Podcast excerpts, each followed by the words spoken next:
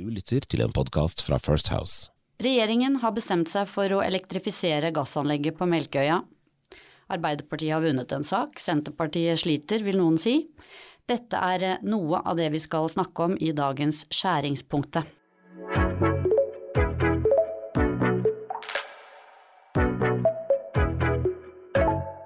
Mitt navn er Cecilie Ditlev Simonsen, jeg er partner i First House og har med meg to partnerkollegaer. Det er Jon Georg Dale Hei. Og Sigbjørn Aanes. Hei, hei. Skjæringspunktet tar for seg saker nettopp i skjæringspunktet mellom eh, næringsliv og politikk. Det blir mye politikk eh, ofte, også denne gangen. Ukens snakkis eh, er definitivt Melkøya av hva som har skjedd i regjeringen, og ikke minst konsekvensene både for Nord-Norge, krafttilgang for andre typer aktiviteter der oppe, og Senterpartiet. Masse ting å ta tak i. Hvorfor har regjeringen bestemt seg for å elektrifisere gassanlegget, Sigbjørn?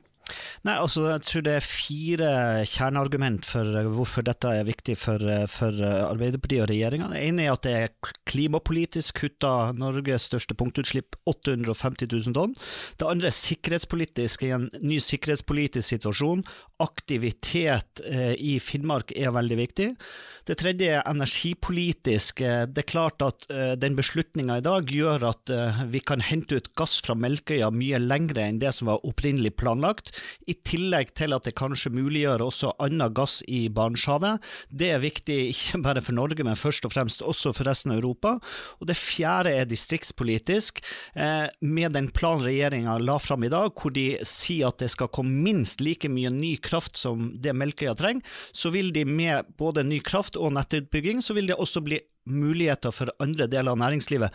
Og Det jeg ser som er i hvert fall lite i debatten akkurat nå, det er jo det langsiktige. Nemlig, tenk deg den, hvis de får den kraftutbygginga i Finnmark, den dagen Melkøya ikke lenger skal drives og du får frigjort all den krafta, tenk hvor mange muligheter Finnmarka kan få i fremtida.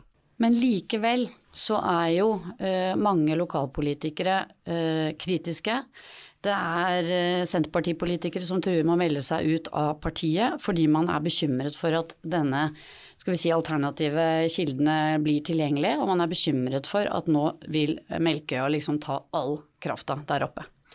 Ja, og det handler jo også om at Senterpartiet har jo bygd seg sjøl fallhøgde på denne saken. Når de først sa nei, og så fikk de landsmøte til å si nei til elektrifisering av Melkøya, så har de på en måte gjort saka veldig vanskelig for Trygve Slagsvold Vedum å håndtere i regjering. Og Derfor så framstår han, selv om de har fått innrømmelser i forhandlinger med Arbeiderpartiet på den saken, som gjør at Tidsløpet forskyves fra 2028 til 2030.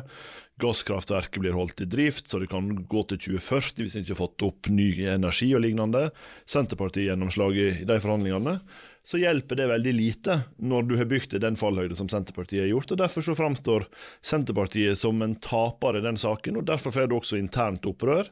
Fordi håndteringa av det har vært veldig dårlig. Og det, jeg bare sier at det, det er ikke noe tvil om at dette er ikke en et populært vedtak, selv om jeg kan nok mene det er et riktig vedtak. og Det er fordi at det er stor motstand i Nord-Norge mot elektrifisering av Melkøya. Det, og det er ikke bare i Nord-Norge det nå er motstand mot elektrifisering, den er ganske stor. Og det er klart at baksida av den medaljen på det regjeringa eh, presenterte i dag, er jo også at de må bygge mer kraft. Og det betyr at eh, regjeringa også nasjonalt og Senterpartiet er nødt til å være for eh, vindkraft på land, for det er ikke noen andre muligheter for å, for å rett og slett eh, holde de løftene som de, som de i dag ga. Og det er klart, det er i seg sjøl ikke populært, i, annet i Senterpartiet. Vi er jo eh, midt inne i en eh, valgkamp nå, og likevel så kommer dette vedtaket, eller nettopp derfor kommer denne beslutningen. Hva blir konsekvensene nå for Senterpartiet? De sliter jo allerede på målingene. Ja, altså Dette er jo ingen drøm uh, for Trygve Slagsvold Vedum. Uh, han har i utgangspunktet hatt veldig tøffe meningsmålinger gjennom hele sommeren, og kommer nettopp ut av statsrådsskiftet med, med, litt av det som bakteppe. Og suser inn i en ny sak på inngangen til valgkampen som er vanskelig å håndtere for ham. Så det er klart at dette er veldig krevende for Senterpartiet. Samtidig er det sånn at de kunne Altså dine beslutninger tror jeg veldig mange skjønte at kom til å komme. Det måtte komme. Det, uh, sånn Hvorfor sier dere det? Jo, for det, for det, det altså, Den måtte komme fordi at det er søkt om, uh, søkt om konsesjoner, uh, så det, det, måtte komme et svar fra regjeringa jeg tror at ambisjonen, dette vet jeg ikke, men jeg tipper at de egentlig hadde en plan om å være ferdig god tid før sommeren. Men når du ser eh, Sånn at dette kunne ha roet seg litt før valgkampen? ja, og så er det spørsmålet, hadde det roa seg litt? Det fremstår nok litt panisk i Senterpartiet akkurat nå, med krisemøte over en lav sko, krav om ekstraordinært sentralstyremøte, men jeg må si at når jeg så pressekonferansen i dag, så, så fremstår, for det første fremstår olje- og energiminister Terje Lian Aasland, jeg, jeg må si ekstremt bra på, på pressekonferansen, veldig tydelig, veldig klar, veldig sikker, veldig god, eh, og i tillegg så fremstår det som han har klart å jobbe fram en pakke som, selv om det er bråk i Senterpartiet, selv om det vil være misnøye uansett hva de hadde gjort eh, med, rundt ei elektrifisering, så fremstår det som man har klart å funne en, egentlig en ganske, ganske god pakke som egentlig flere enn de som viste i dag, burde kunne vært fornøyd med. Men det hjelper ikke når uh, det ser ut som Trygve Slagsvold Vedum har solgt smør uten å få betaling på den samme pressekonferansen. Så det, det, det, er liksom, det er den situasjonen de havner i, at de har bygd seg fallhøyde som de ikke kan levere på, og det blir en veldig tøff inngang for Senterpartiet. Nå Neste, neste veke starter Arendalsuka med partilederdebatten. Vi kan antagelig bare ta for gitt at dette blir et tema som kommer til å ri uh, Trygve Slagsvold Vedum som ei mare der, fordi han bryter sitt eget landsmøtevedtak.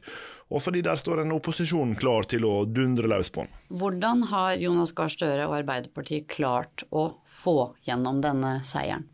Nei, eh, som sagt, dette tror jeg ikke er overraskende for noen. Eh, der har vært eh, en enorm drive i både Arbeiderpartiet og for så vidt i Høyre i retning av elektrifisering over lang tid. Ikke udiskutert i de partiene heller, men de liksom styringspartiene har tatt retning på det for å få ned klimagassutslippene. Og i olje- og gassindustrien har den laga seg en historie om at det også er avgjørende viktig for license top rate over tid.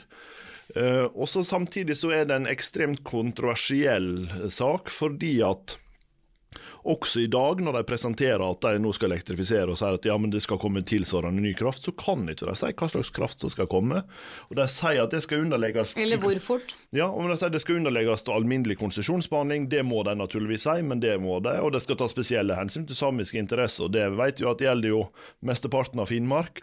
Sånn at i utgangspunktet så sier du ja, det skal vi fikse, men du kan ikke si hva. Nei. Så du presenterer bare halve løsninga. Og det kommer til å ri Senterpartiet som en mare, tror jeg. Og dette, så det, denne saken er ikke over, for, for her skal det behandle Altså, her har du utbygging av nett, og du har kraftutbygging. Det kommer til å være masse konflikt rundt dette framover, og den beslutninga som, som er fatta. Og så er- genererer dette også den generelle motstanden mot elektrifisering av sokkelen fra land. Og det handler jo om noe så enkelt som at i veldig manges haud så framstår det som lite logikk i at du skal ta eh, det som nå er en krevende kraftsituasjon på land, med høye energipriser, bruke krafta vår til å elektrifisere en sokkel for å slippe å brenne gassen, for deretter å eksportere gassen og brenne den i et annet land for å redusere de norske klimagassutslippene. Vanlige folk, mange i hvert fall, kjøper ikke logikken i det. og det Høres ikke ut som du gjør det heller. Eh, jeg brukte ikke å gjøre det før, men, men, men, men det, det tror jeg det blir Arbeiderpartiets virkelige syretest i dette.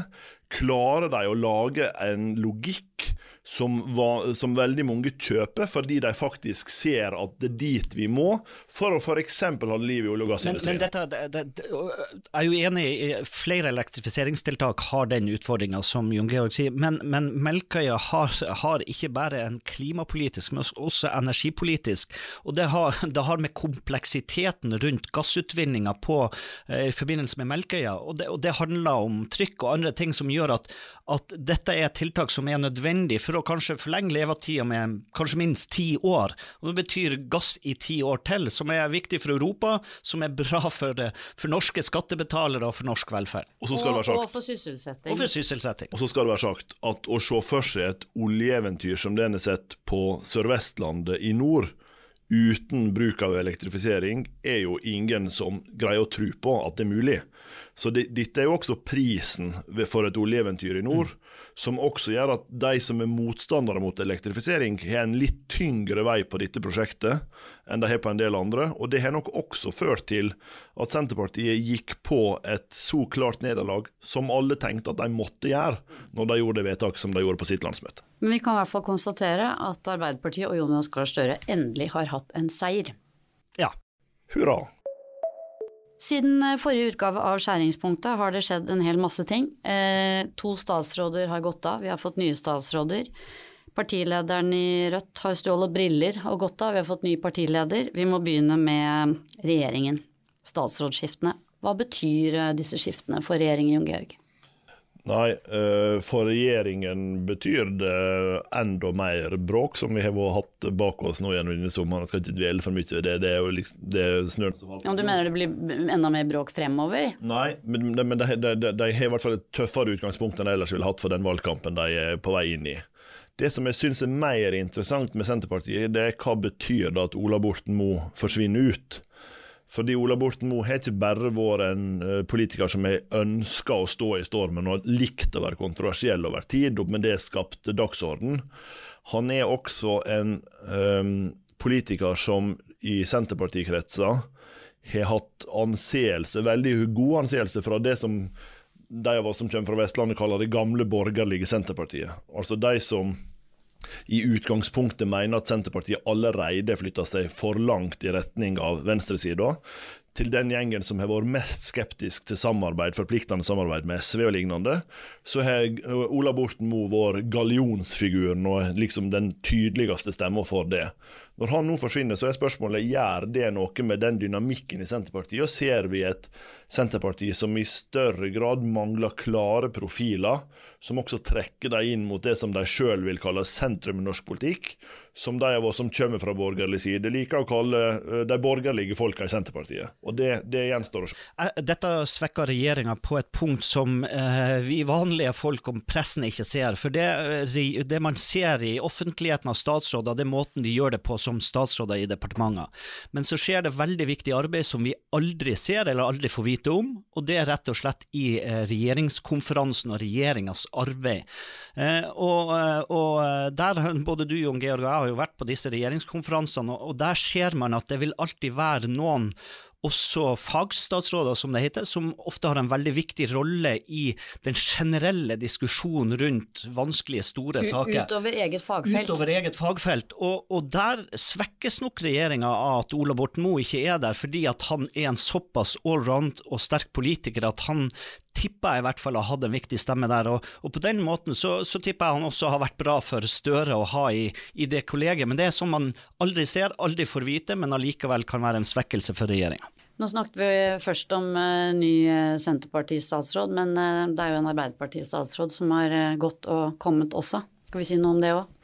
Ja, det kan vi jo fordi Anette Trettebergstuen sin avgang var jo et trist skue, tror jeg vi skal si, når det kom. Og vi tenkte jo at dette er kanskje den største habilitetsskandalen på lenge. det var helt Ola Borten. Vi tenkte det bare en liten stund. Eh, men, men, men, det er klart at, at dette Trettebergstuen er og innebærer også en det vil jeg vil kalle en svekkelse av regjeringa. En garva politiker på flere fagfelt, veldig sterk troverdighet i kultursektoren. Uh, og uh, en politiker som også Jonas Gahr Støre har lytta til. Og du så jo at på Jonas, vil jeg mene, når Trettebergstuen gikk av, at han mente at det var rett at hun gjorde det. på bakgrunn av det. Han var veldig tydelig. Veldig tydelig på det, men han syntes også at det var trasig. Og det, det, det, sier litt om den posisjonen jeg tror hun har hatt internt. Så det er totalt sett vil jeg si en svekkelse av regjeringa som sådan. Men, men, men, samtidig, det er sånn som alle som synser om politikk, alltid vil si.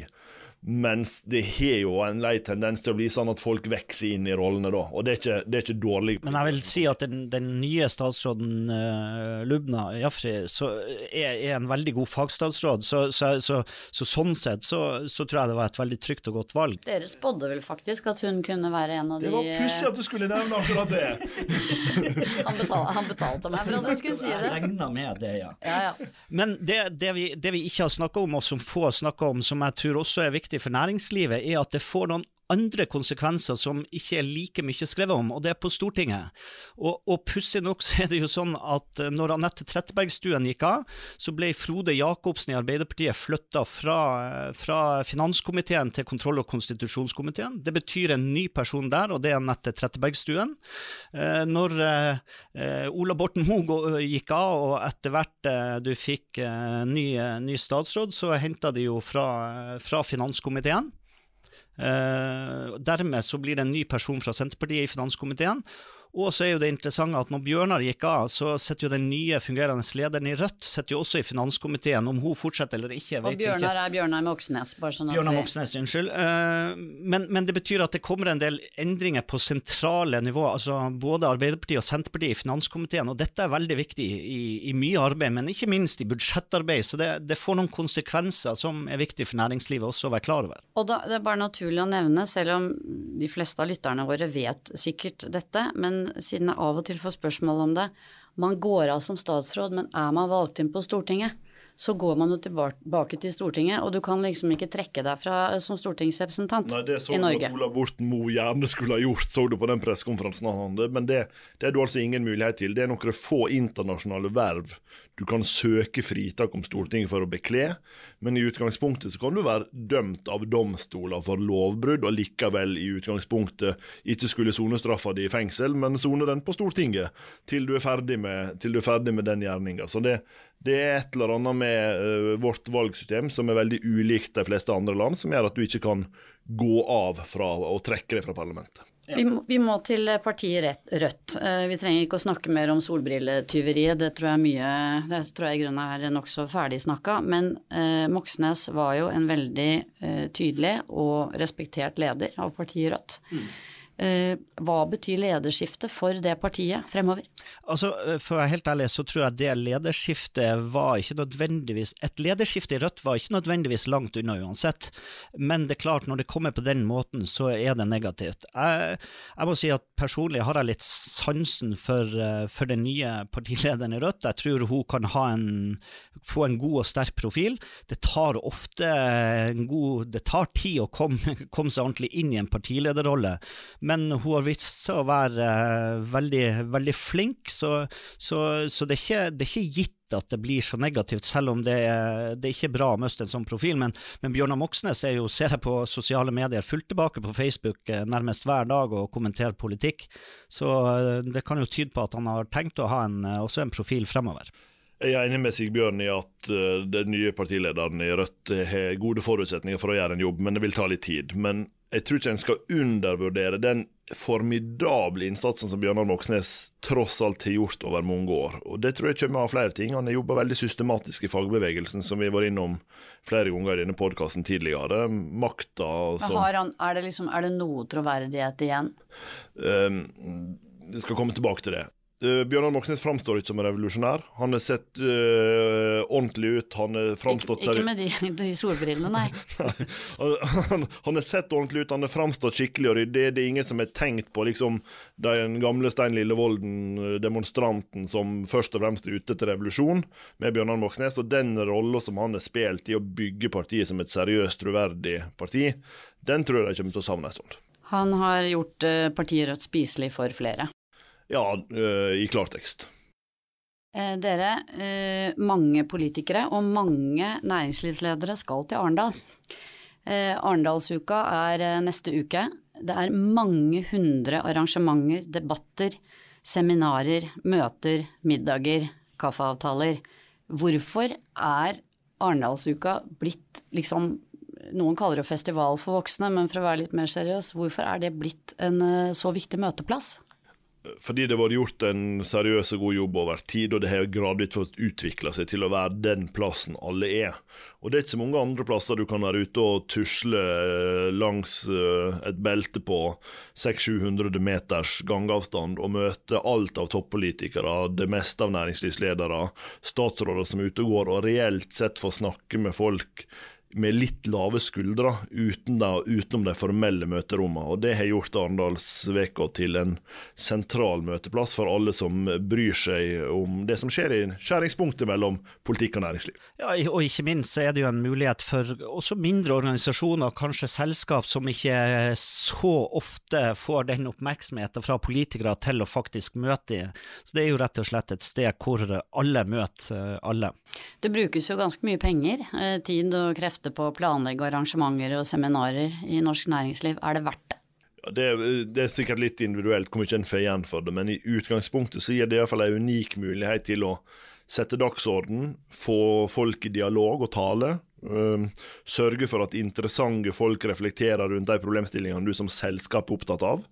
Uh, og Det gir en god profileringsmulighet, og det gir en mulighet til å bygge kontaktnettet ditt. og Sånn sett så er det i hvert fall sånn at veldig mange uh, bedrifter opplever at det er vel investert både tid og ressurser å være til stede i større eller mindre omfang på Arendalsuka. First House har jo vært veldig engasjert i Arendalsuka. Faktisk så er jo eh, flere av våre kolleger har jo vært med å starte Arendalsuka i sin tid, for eh, over ti år siden nå.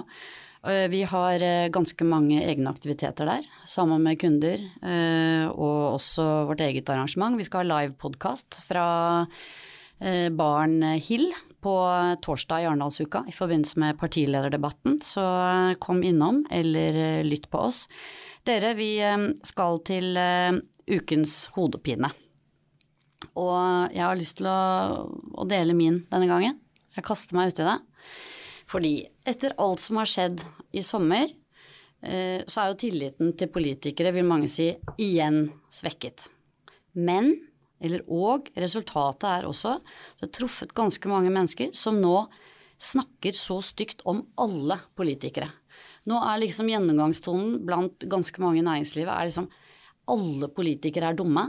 Finnes det ingen kloke politikere? Har ingen politikere god dømmekraft? Og jeg blir rett og slett så indignert på vegne av politikere. For jeg mener faktisk at det er så mange dyktige politikere. De flinkeste folkene jeg jobber sammen med, har jobbet med politikk, politisk erfaring. De flinkeste folkene jeg har ansatt. Eh, og det er jo fristende å si at eh, det er jo mer kunnskap blant politikere enn vi av og til ser i næringslivet, er lov å si det? Jeg, jeg syns faktisk det er skikkelig ille.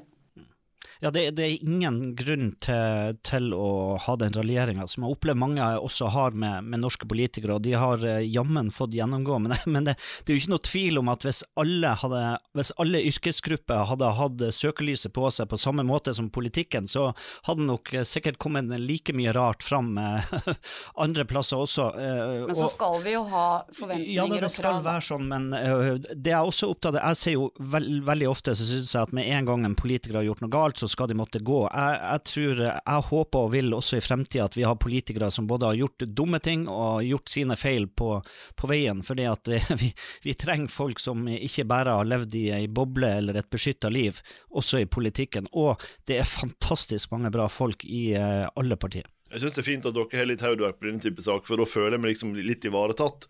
Men det skal nå sies, da at det er for mange skandaler som er kommet de siste åra. Så norske politikere burde også tenke at den viktigste verkevara hver av de har, er sitt eget navn. Det burde mange av de forvalte bedre, tross alt. Og så må det være lov å si at apparatet rundt politikerne, enten det er på Stortinget eller i, regjerings, uh, i regjeringsapparatet, må jo faktisk bidra til at uh, hver og en av disse politikerne får veiledning og råd uh, og gode råd, og det har jo vært uh, kanskje litt mangelvare. Det har vi vært inne på før. Ja, det er, det er mange grunner til at det, det, er flere som kunne ha gjort jobben sin bedre, det er ikke noe, det er ikke noe tvil om det.